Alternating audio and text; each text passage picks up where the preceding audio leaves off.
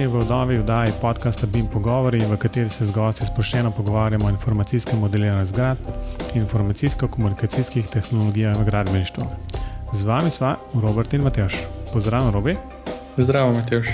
No, danes imamo spet eno tako posebno oddajo, kjer nimamo gosta, imamo pa zelo zanimivo temo. Um, pogovarjali se bomo namreč o inovativnih tehnologijah v graditeljstvu.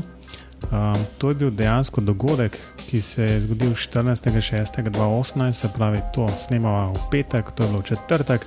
V robi ti se je tega um, dogodka udeležil v Mariboru, pa v bistvu plan je dejansko povzetek narediti. Ti boš pa povedal, v bistvu, kako se ti je zdelo vse skupaj. Ja, najprej bi povedal pač malo na splošno, kako se mi je zdel dogodek. Meni je bil dogodek super. Mene je že najprej pritegnilo to, da so inovativne tehnologije v graditeljstvu. Sploh mi ne gre iz, iz, iz jezika. Iz jezika mi ne gre ta beseda, ker skozi govorimo o gradbeništvu, ampak po mojem je bolj prav graditeljstvo. Uh, to je pa malo še malo naprej. Ne? Ali je to izziv, priložnost ali utopija? In pa je bilo zelo veliko govora o tem, ali je to res utopično ali ne. Ne vem. Pač. Jaz mislim, da za kar nekaj stvari predstavljenih, je to verjetno utopija, da se bo to kdaj dejansko uveljavilo v gradbeništvu, ampak če ne bomo imeli takšnih ciljev, ne bo napredka. No, tak bi jaz povzel. Kaj meniš? Ja, v bistvu, konec koncev se strinjam. Ne? Vse prevečkrat, najbolj smo zelo hitro zadovoljni, pa se nekako vrnemo nazaj v, v gradbeništvo na to, kar že poznamo, in nekako ne vidimo priložnosti v nekih, recimo, relativno takšnih um, malo odbitih stvarih, ne, kot, kot je blockchain, ki bomo tudi danes kaj omenjali, pa podobnih zadevah. Vsi bi sicer vse, vse o tem razmišljali, ampak ko pa začneš jasno z nekimi dost, recimo, inženirji iz prakse govoriti, v bistvu jasno jim je to čist, jih to zanima kalanski sneg. Ne vidijo neke no, nove priložnosti v tem, in um, morda je treba včasih, recimo, tako um, maz glavo skozi tudi v teh tehnologijah, pa še posebej v gradbeništvu, ne, oziroma graditeljstvo. Ja, ja, no. ja verjetno res. Uh, zdaj, dogodek je potekel, v bistvu je bil od dopoledne do zgodnega popoldneva. Um, zdaj, začel se z nagovorom. Jaz bi samo omenil, da ste imeli nagovor profesor dr. Tolaci in dr. Medved iz Lineala. Pa bi mogoče pač začel kar z vsebinskimi stvarmi. No. Uh, Zdaj, dogodek je vsebinsko odprl naj en kolega, profesor Turk, in ki je govoril o gradbeništvu kot industriji 4.0. In moram reči, da čeprav delamo skupaj, pa to sem tudi jaz zvedel, kar, kar nekaj zanimivih stvari. No. A ti veš, kaj je gradbeništvo 4.0 oziroma industrija 4.0? V bistvu si znam predstavljati, kaj je pač industrija 4.0, ampak. Um, Me pa zanima, kako se to aplicira na gradbeništvo. Ja, no, sej, kako, kje, kje so bistveni taki povdarki? Jaz sem si delal kar nekaj zapiskov, no, tudi za potrebe tega podcasta. In najbolj prvo, kar sem si počrtal, je bilo gradbeništvo 4.0. To je isto kot je bilo prej, ampak drugače. to mi je bilo, to mi je bilo res tisto. To je v bistvu skoraj tako, kot bi jim projektirane, oziroma tako, kot smo imeli včasih, samo da jim večkrat drugače. Ja, no, tako. Ne, zdaj, če malo bolj resno zastavim, industrija 4.0, kot žiga pravi, to je stapljanje fizičnega pa digitalnega. Ne. Če je industrija 3.0, sem imel isto fizično pa digitalno, ne, ampak to sta bili dve stvari. Imel si fizično, neko fizično stvar, pa imel si nek digitalni posnetek tega, ne, ali pa kakorkoli digitalni model tega, da po industriji 4.0 se pa to dejansko staplja, da v bistvu ne vidiš, ne, ne vidiš neke razlike. Tako, če zelo poenostavim. No. Ampak to stapljanje bi pa ne potekalo brez veliko ročnega dela, ali pa najbolje pa brez ročnega dela. Um, zdaj, tako in lahko zraven upeljemo pač to umetno inteligenco, pa ne vem kaj, ampak vse razumemo. No. Uh, no, in recimo en tak primer je bil, to sem si tudi zapisal. Uh, recimo povezava avta s cesto, da bi cesta dala avtu pač dejansko neke podatke in bi se pa avto temu prilagodil. In, uh, razumeš, pač, v čem bi bil smisel. da bi cesta povedala avto, pač da so senzori, senzori, ki bi zaznali, ne vem, da zmrzuje in bi se avto prilagodil, mogoče vklopil pogon na vse štiri ali kako koli. Na nek tak način. Pa kar je tudi zanimivo, ne, da, da bi se ne v industriji 4.0, bi ne od produktov prešli k storitvam, kar se itak že dogaja, to pa že vsi, ki kupujemo programsko opremo ali pa ki vem, smo kupovali dostop do česa na spletu, ne? zdaj se ne da več kupiti dostop, ampak zdaj pač najameš storitev. Ne? In kako, se, kako bi se to v gradbeništvo preneslo?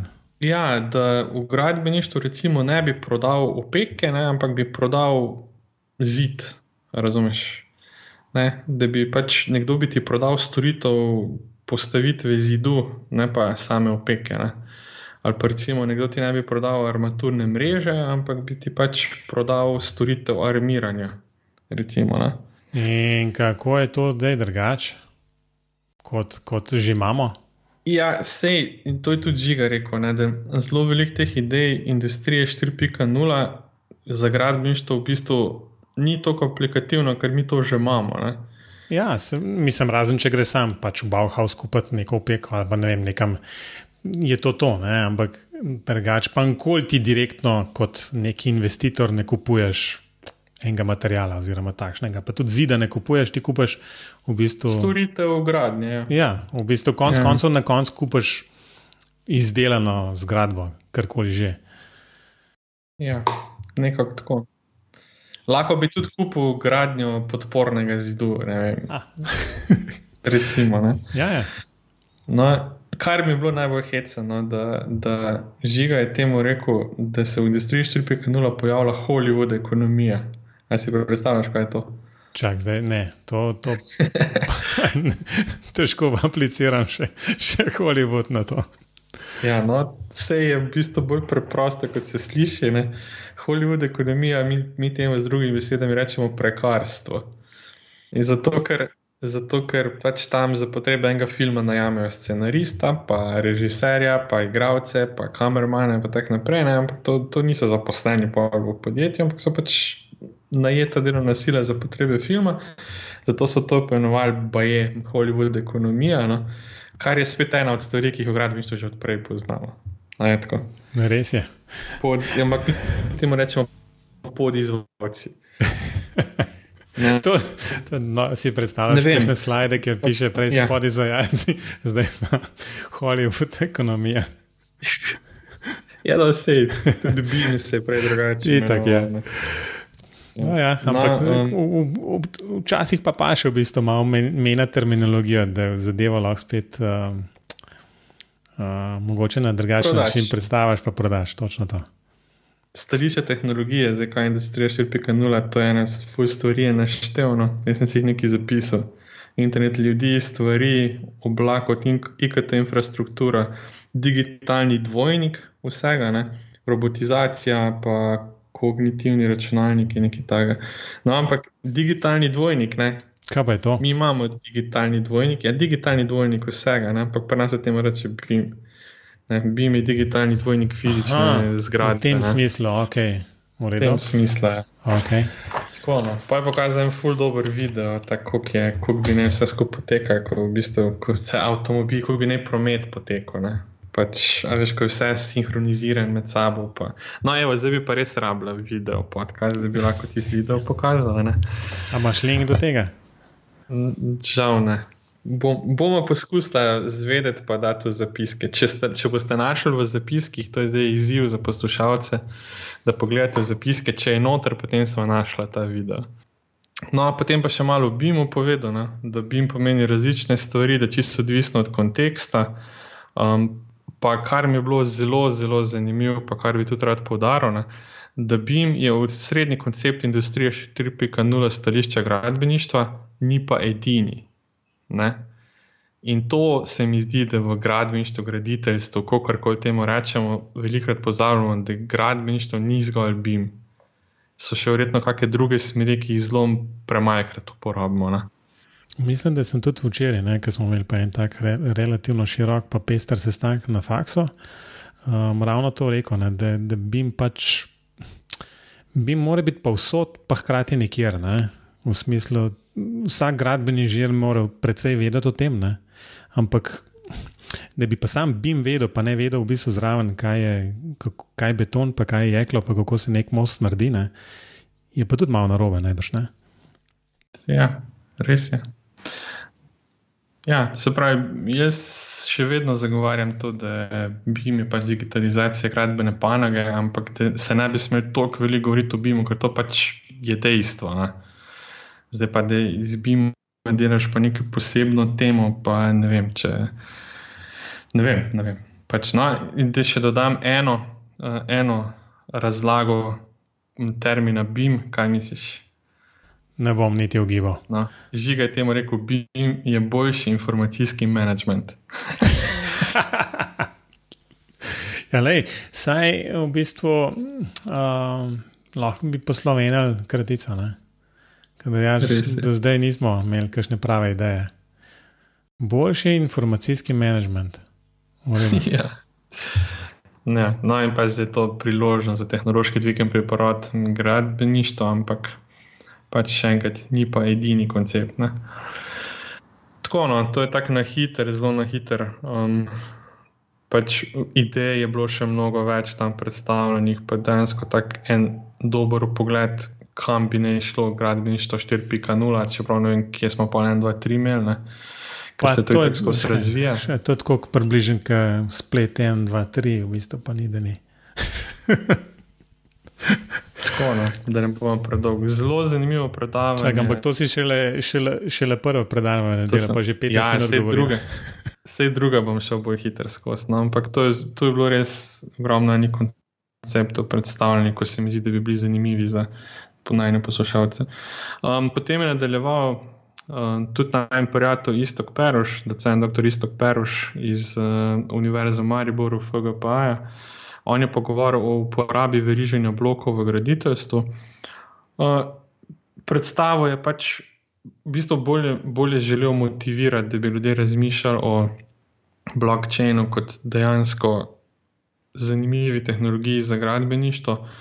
Um, Poudarek je bil na tem, pač, da svet ustvarjajo mladi ne, in potem pokazujejo neke raziskave, da mlajši, mlajši kot so spraševali, bolj so bili naklonjeni blokčinu, starejši kot so naklonjeni, kar je nekako tudi logično. Ne?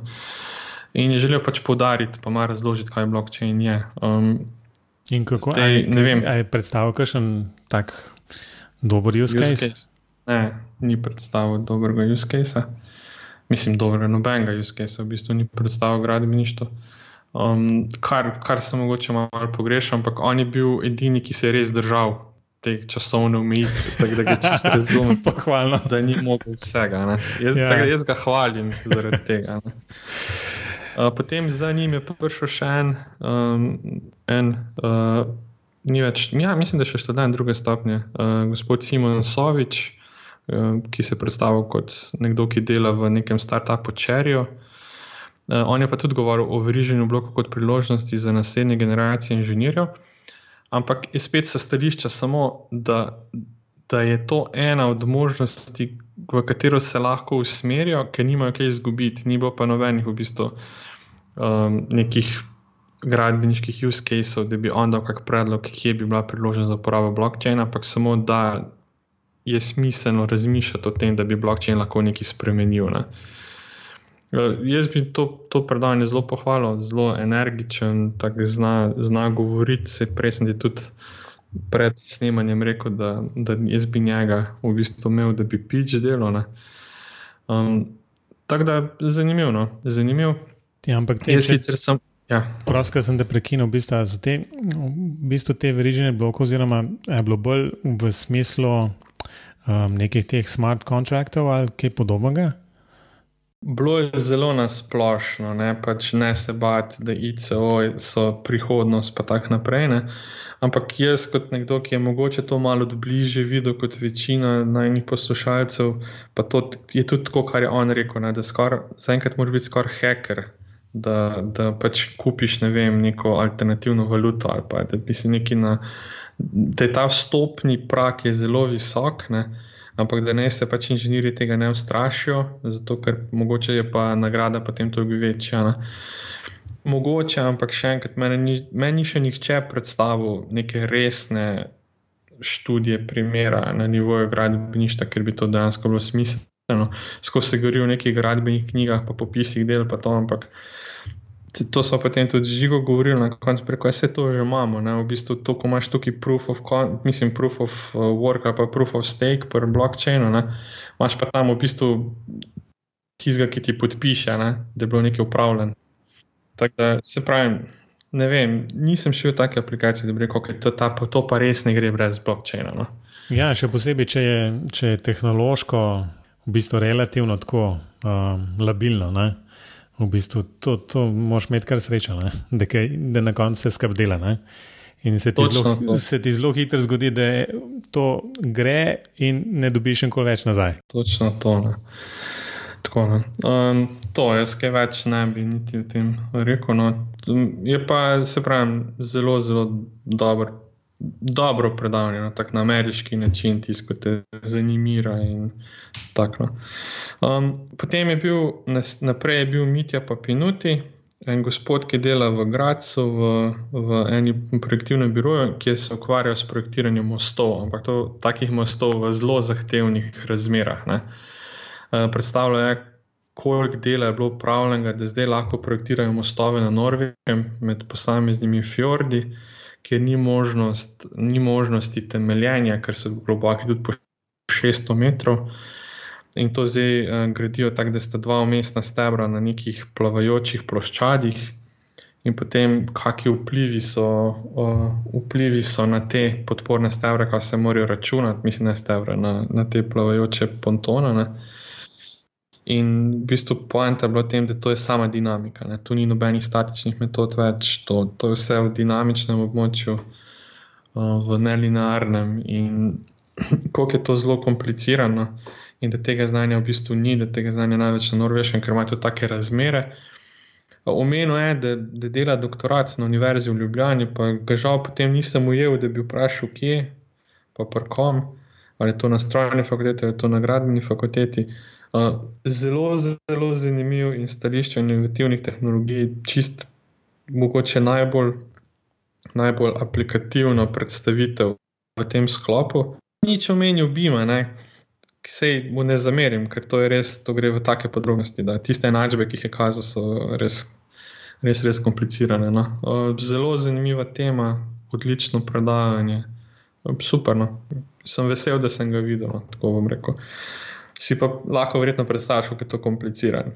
Ja, zdaj, sem, zdaj ko si ti to razlagal, sem začel razmišljati, kaj, kaj, kaj vse ti tam vpliva na tisti um, od valovanja, plimovanja, do vetra, do jasno unih koristnih obtežb, do, do ni da ni v bistvu. Ne? In vse to se premika istočasno. Ja, jaz, mislim, upam, da sem si prav zapomnil, ampak tam, ko je kazal nekaj, kakšne so te. Deformacije vozišča, da so tako, njihova za 30 cm. Ja, to, to, to, to, to sem te hotel vprašati, kaj, kaj, kakšne so pol te deformacije v bistvu. K, k, si predstavljam, da to naredi tako, da, da se lahko avto gor zapelje. Ja. Že, že tako pri nekih mostovih, ki so dosti dolgi, so v bistvu deletacije v bistvu precej velike loka. Se v bistvu tega ni predstavljalo, sem kazal neke grafe, pa sem si zgolj, če sem prav razbral, da je bilo tako, da, da je bil ta pomik 30 cm maksimalen, kar je v bistvu fulne, je pa most dolg 5, 5 km. Ne. In je rekel, da, da v bistvu um, vse, vsa programska oprema, pa vse, kar je razvito, obstaja tam za mostove, kilometr, maksimalno dva, ne? to je pa pet km dolg most. Pa je to samo dve verzije programa, poženeš naenkrat. Ja. Ne, oni so mogli v bistvu sami nadgraditi program, da je sposoben to, to zračunati, pa je splunt. No, tukaj, tukaj za vse študente, ki mogoče to poslušajo, zdaj, zdaj ste videli, zakaj je treba znati tudi malo programirati včasih. Točno to, evo. Čeprav ne bi za, za gradbeni inženirji to programirali, ampak sen sen. Ja, oni, kot je razlagal, da je to, to samo gradil. Pa je gradbeni inženir, ki je sicer študiral v Mariboru. Tako. Um, no, in potem naprej, um, tu sicer na seznamu je eno predavanje, ki je bilo v drugem sklopu, tako da bom zelo spustil. Uh, potem sta tudi najna znanca iz inštituta Bimatori, uh, Andrej in Mateoš, predstavljala neke nove profile, ki bi naj prišli z BIM-om. No, poklicev, ne? inženirjev. Novi, novi profili poklicev, tako novi profili inženirjev. Zdaj, kaj bi se rekel o tem? Mogoče ste jih naštela malo preveč no, za moj okus, ker sem imel tako občutek, da ste skoraj vsem vlogam, ki so v nekem gradbenem procesu, dali zraven BIM.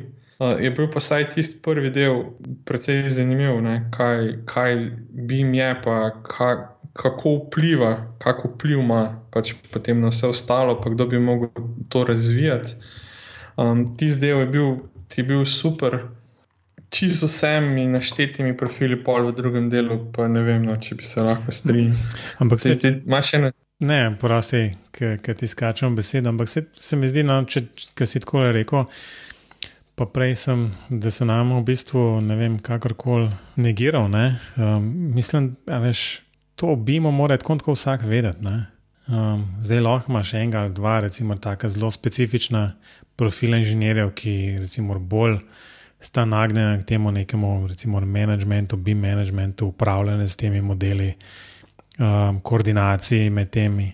Ampak konec koncev, pa ne vem, če rabimo glih um, posebej inženirje, ki, ki recimo vladajo BIM. Ne? Kaj to pomeni, da vladaš revit, pa arhitekt naenkrat. Jaz sem se spomnil na eno predstavitev Leona Van Berla, ki sem, en, ki sem jo tudi enkrat dal med priporočila uh, na BIM pogovorih kjer je govoril o teh, mislim, da bi kar bilo top 5 zmot v Bimu ali nekaj takega. No. Se verjetno se bo ja, spomnil. Ja, se spomnim. Ja. Ja. No, in ena od tam je bila, da rabiš neke posebne profile. Ne, ne, ne v bistvu, da, da bojo morali se pač, sam, mislim, posamezni inženirji priučiti temu delu. Ne. Čisto se ne strinjam, ker dejansko, boš, dejansko vsak velik projekt potreboval enega bi-menedžerja, čeprav bi tudi zdaj verjetno potreboval nekoga, ki bi se ukvarjal z informacijami, ampak se mu ni rekel, ne bi se mu rekel, bi menedžer, ampak bi se mu rekel, ne vem, podpora projektov kako koli. Uh, no, so, so eni profili, ki dejansko se bojo potrebovali in se jih bo rabo če dalje več. Um, ampak ne pa vsi. No. Mislim, ni to zdaj tako, da boš naredil hierarhijo, kaj se rabi, da se bo šel ubiti, ampak pač verjetno kakšna vloga tu pa tam bo pa res zdaj čisto nov nastala, oziroma je že nastala, pa je potrebna. Ne, ne, ne verjetno, ampak zagotovo. Ne. To bi bil moj komentar. No. Ja, se to, pač to razmišljanje, no, to podobno, ali pa sorodno mojemu, no, da ne rabimo glih vsega novega. No. Uh, no, in potem ta prvi sklop je pa zaključila docent dr. Tanja Simonič Korošak, uh, ki je krajinska arhitektka in je predstavila eno, imela eno predstavitev za napredne tehnologije in načrtovanje odprtega prostora. Um, Malo je imela tehničnih težav, ne po njeni krivdi, ampak tista njena predstavitev se ni tako prikazovala, kot bi se morala. Je pa vseeno zelo zanimivo, no, ker je predstavljala, kako te inovativne tehnologije od liderja pa pa kazala je zajem podatkov z droni, pa v bistvu študije variant, pa tako naprej. Ne? Kako to vpliva na koncu na, na nek končni izgled en, ene takega projekta, krajinska arhitektura. In meni je bilo tisto res super. No? Zelo lepo je predstavljati tam tudi nek, nek nov park. So, Na, na mestu, kjer je bil že star, ki so projektirali. In, Um, pa še en je bil nek um, v BTC v Ljubljani, to bi mogoče ti veš, da, ne, da bi se ne načrtoval nek park future ali prihod, ne vem. Nek, ne vem, kak ime je, mislim, da je future. Uh, je bil pa tak, so bili pa taka drevesa in cel, v bistvu cel koncept je bil v tem, da so pa nove tehnologije dali enemu takemu parku. Ne, je bilo tako v temi in drevesa, in pa tako ledo svetlitev od spodaj, in tako noro, res dobro izgledano. Veš, tako da imaš neko tradicionalno, kot je nek park, ampak pa neke inovativne tehnologije za pravni in tisti bo super. No. To, to sem si najbolj zapomnil od tega predavanja. Si že utrujen, greš še na drug sklop? Ja, je še drugega. To je bil pa, ste imeli odmor, zdaj mi dva odmora ne bomo naredili, ampak um, gremo. Jaz sem imel odmor. Jaz moram reči, ne, da na vsakem tem dogodku pridelaš pol ure na uro zamudene.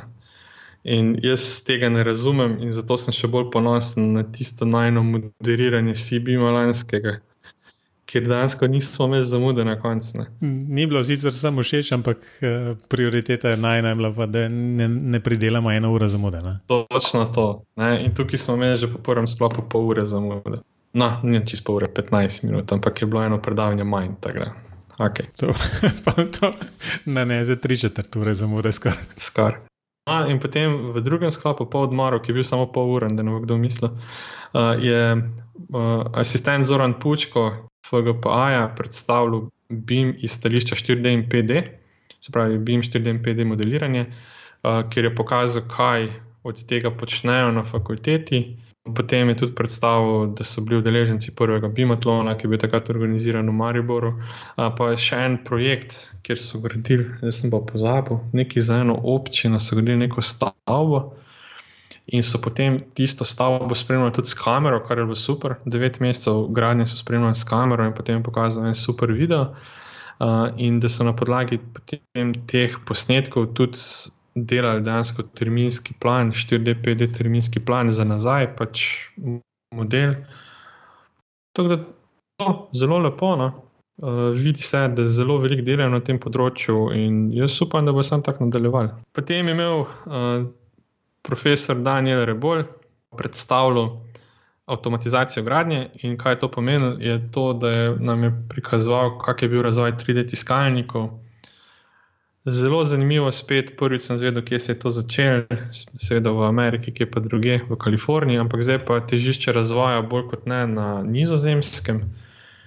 Um, pa tudi v Italiji je bilo vmes, to si vedel. Ne, ne. En italijanski arhitekt je tudi razvil en full-redo tiskalnik, pa celo patentiral neko lepilo.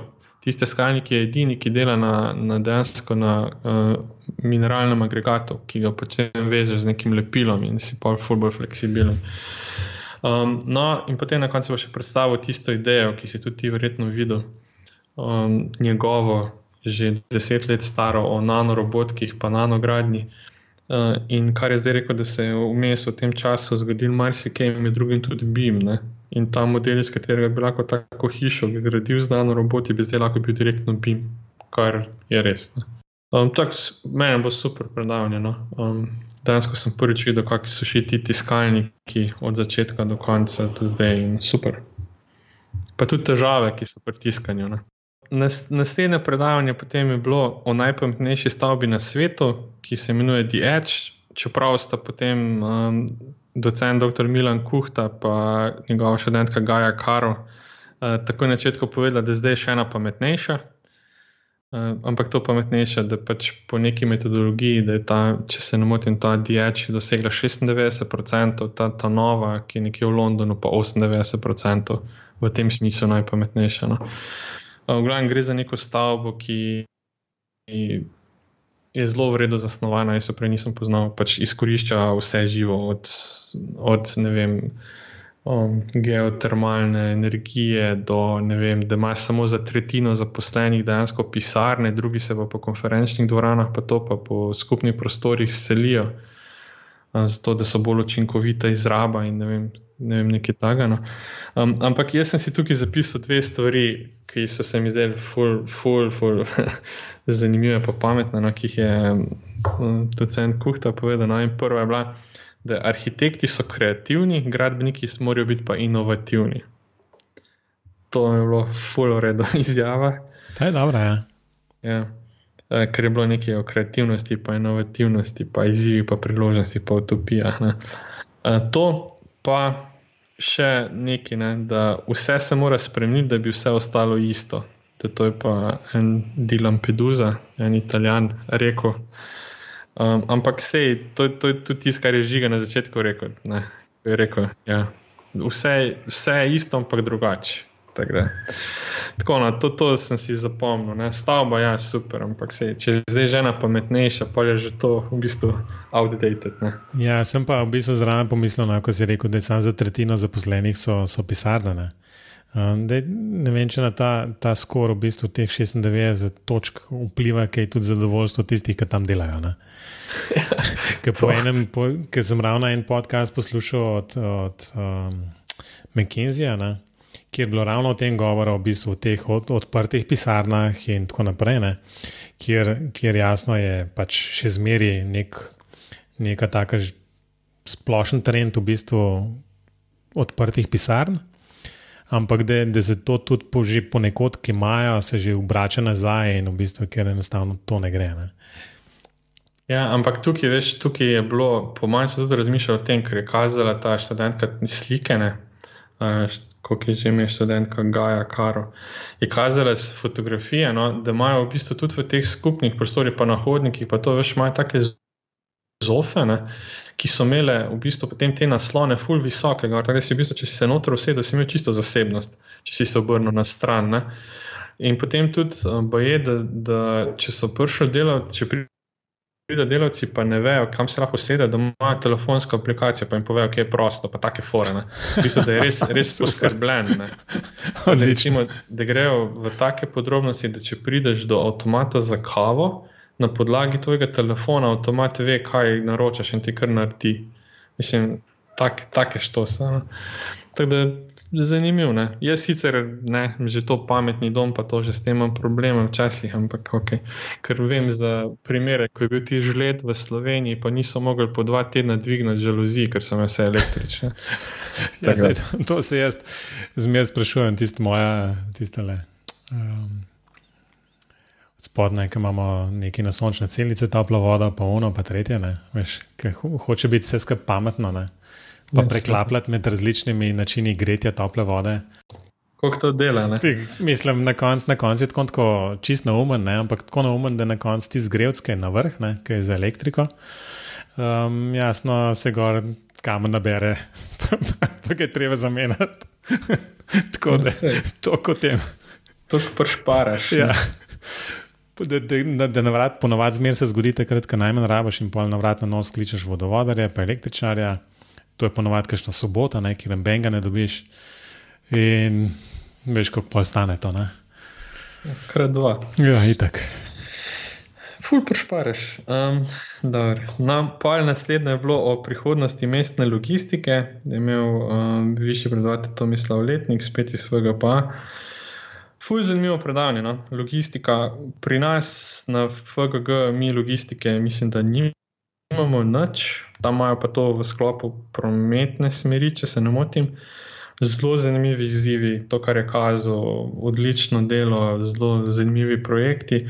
Uh, jaz sem si tu zapisal samo en stavek, da je zadnji kilometr dostave stane 28% cene dostave. A to si vedel? To nisem vedel, točno teh podatkov, ampak je pa vedno. To nekaj sem tako poslušal tudi za Amazon, ki se grejo neko dostavljene službe, tudi svoje. Ne? Je, je to dejansko ta največji problem, no? tiste zadnji kilometr. Ja, no, in s tem se ukvarjajo pač v tej skupini, kako bi to zoptimizirali, kam logistične centre postaviti, čim bolj pokriješ, da je čim manj prometa po mesti, ker če je manj prometa noter, pa ali bo čez zrak, pa manj gužve. Mislim, res, res super. No? super. Sploh nisem pomislil, da to se kdo s tem ukvarja. Potem je bilo pa še eno predavanje o krožnem gospodarstvu in novih poslovnih modelih. To je bil nek gospod Vladimir Gumiler iz uh, slovenskega gradbenega grozda. Uh, zdaj, to je bilo bolj pač v teh poslovnih modelih, pa tako ne vem, niti če bi kaj veliko o tem razlagal. Zdaj, kar sem si jaz zapomnil, pa spet en stavek, ki bi ga povedal. No, in to je, da, da moramo. Ta industrija 4.0 ali pa kako koli v prihodnosti, da bo treba razdružiti življenjski stil od rabe naravnih virov kar je bilo prav tako tisto, ok, ne, nikoli nisem razmišljal o tem. Ne. Se pravi, naš življenjski stil bo treba pač ločiti od rabe naravnih virov, bomo to dosegli, pa bomo lahko rekli, da se obnašamo trajnostno in tako naprej. Ne. Zdaj pa smo to sposobni narediti. Pa. In recimo tudi v trajnostnem gradbeništvu, da bi morali, on je povdaril, da v bistvu parcela s staro hišo je dražja od prazne parcele in da to sploh ne bi smeli biti. Zato, ker bi tista parcela, na kateri je že hiša, ker bi moral tiste materijale že uporabiti kot surovino za naslednjo stavbo, ne bi moral to biti ceneje in da je treba pač razmišljati o, taj, o tem, in da, da on je to imenoval krožno gradbeništvo. No, zadnje predavanje je bilo pa o umetni inteligenci, izzivih in strahovih, ki jih je imel profesor Dejan Korošak iz FGP-ja, fizik, kot je sam podaril fizik po izobrazbi. Kar sem si tam zapomnil, je, da je našel nek spletni servis, bo, ki, spletni servis, v katerega napišeš svoje področje in ti napiše, kakšna je verjetnost, da boš v naslednjih ne vem koliko letih ostal brez službe. Ja, in je noter, noter je napisal civil engineering, in je bilo, da imamo 4% možnosti, da bomo ostali brez službe, kar je v bistvu kar ok. Ne? Ker on je pa napisal, gor, potem še fizik, noter ima pa 10%. Tako da, ne, kar je ok, dva pa polkrat več. Potem so ga nekaj vprašali, kaj pa arhitekti, ampak rekel, to si ne pa sami preverijo. Pa nisem šel preveriti, ker se ne spomnim, kje razstranje je bilo to. No, on je govoril o pomenu umetne inteligence, na začetku tudi predvajal uh, zvočni zapis, ki ga je Google predstavil na svoji letošnji konferenci, ker se pač umetna inteligenca dogovorila za neko ne vem, rezervacijo v neki restavraciji. To si verjetno slišal. Ja, to sem videl. Ja. Uh, spet ne, jaz ne vem, kako se lahko to aplicira v gradbeništvu. Uh, ampak, ja, no, pa, imam pa vedno v glavi to, kar je rekel Steve Wozniak na konferenci na Dunaju, ki je rekel: umetna inteligenca. Ja, okay. Dejstvo je, da je umetna, ni pa inteligenca. Ne. S tem se pa pač potem ta dogodek zaključil, mislim, zaključil se je z okroglo mizo, ampak je imel potem toliko zamude, da sem nažalost, da sem nažalost moral iti no, domov. Teda ne vem, kaj je bil potem sklep okrogle mize. Ampak ja, definitivno mi ni žal, da sem se dogodka udeležil. Videl sem čisto en drug pogled, pa kaj delajo tudi v Mariboru na to. Um, tako zelo zanimivo. No. Je pa več kot očitno, da zelo veliko stavijo na BIM. No. Tako. Ja, absolutno. Se, se, se predstavljam. Ja. Ampak v bistvu so pa, se mi zdi, tudi no, sama predavanja bila tako, vsaj po naslovih, ker pač nisem bil tam, ampak po, tudi po tem, kar si ti povedal, se zdijo zelo zanimiva in mislim, da, da se mi skoraj prepriča, da bom naslednji let šel s tabo. Če bo, se ne vem. Ampak mislim, da je bilo lansko leto tudi. Ampak zdaj ne bom, ne, bom dal, ne bom rekel, da je bilo ali ni bilo, ampak nekako No, ampak kakorkoli že. No. Um, zelo zanimivo, no, v bistvu. Um, splošna ocena. Um, moramo da ena do deset? Ne, mislim tako reči. Naslednji let gre, gre spet. Ne? Ja, naslednjo leto grem spet. Tako da to pomeni, da sem bil verjetno zadovoljen. Pa, pa saj nisem bil tako razočaran. Če sem bil nad čem razočaran, sem bil na tem, da je zamudilo. No, ampak le, ja, v redu. Um, kot rečeno, v bistvu meni se zdi super. No. Je tako mal, um, ni, ni, ni tisti um, dejansko samo bim, bim, bim, ne? ampak je tudi malo okoli tega, kjer, kjer dejansko lahko kakšne nove ideje dobiš. Točno to. Robi, moram vprašati, imaš kakšno priporočilo za danes? Nimam. Imaš? A pa imam, seveda imam. Okay. Ampak je tako že zelo poletno obarvano. Um, ena knjiga je um, od enega avtorja, Bill Clinton, moje ime. Um, ja, če sem že slišal. je, je bivši predsednik uh, Amerike. Um, no, in skupaj je James Peterson, ki je pa v bistvu en tak znan avtor teh um, kriminalk, sta skupaj napisala eno, eno knjigo no, z naslovom The President is Missing. Tako da um, je zelo v redu. Jaz sem jo že kupil, um, nisem jo pa še jo uspel preposlušati do konca, ampak recimo od začetka, ne, tisto eno uro od začetka, ki sem imel priložnost, se, se sliši zelo v redu. No. Tako da je, mi že zdaj le ni žal, da sem jo kupil. Um, tako da samo še čakam priložnost, da jo odposlušam do konca. Bo pa link noter in je glih tako primerno počitniško branje ali pa poslušanje, kar vam je ljubše. Um, nač, to je to za danes. Um, v robi najbrž najbolj, da ti mail pošljajo ali pa mail te pogooglajo. Ali pa me na LinkedIn dodajte. Tako, um, enako tudi, tudi za me.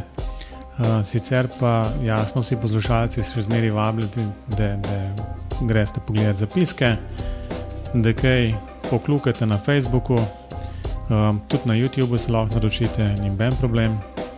Um, tako da neč, to je vse za danes. Um, neč, se slišmo spet čez 14 dni. Robi, adijo. Adijo.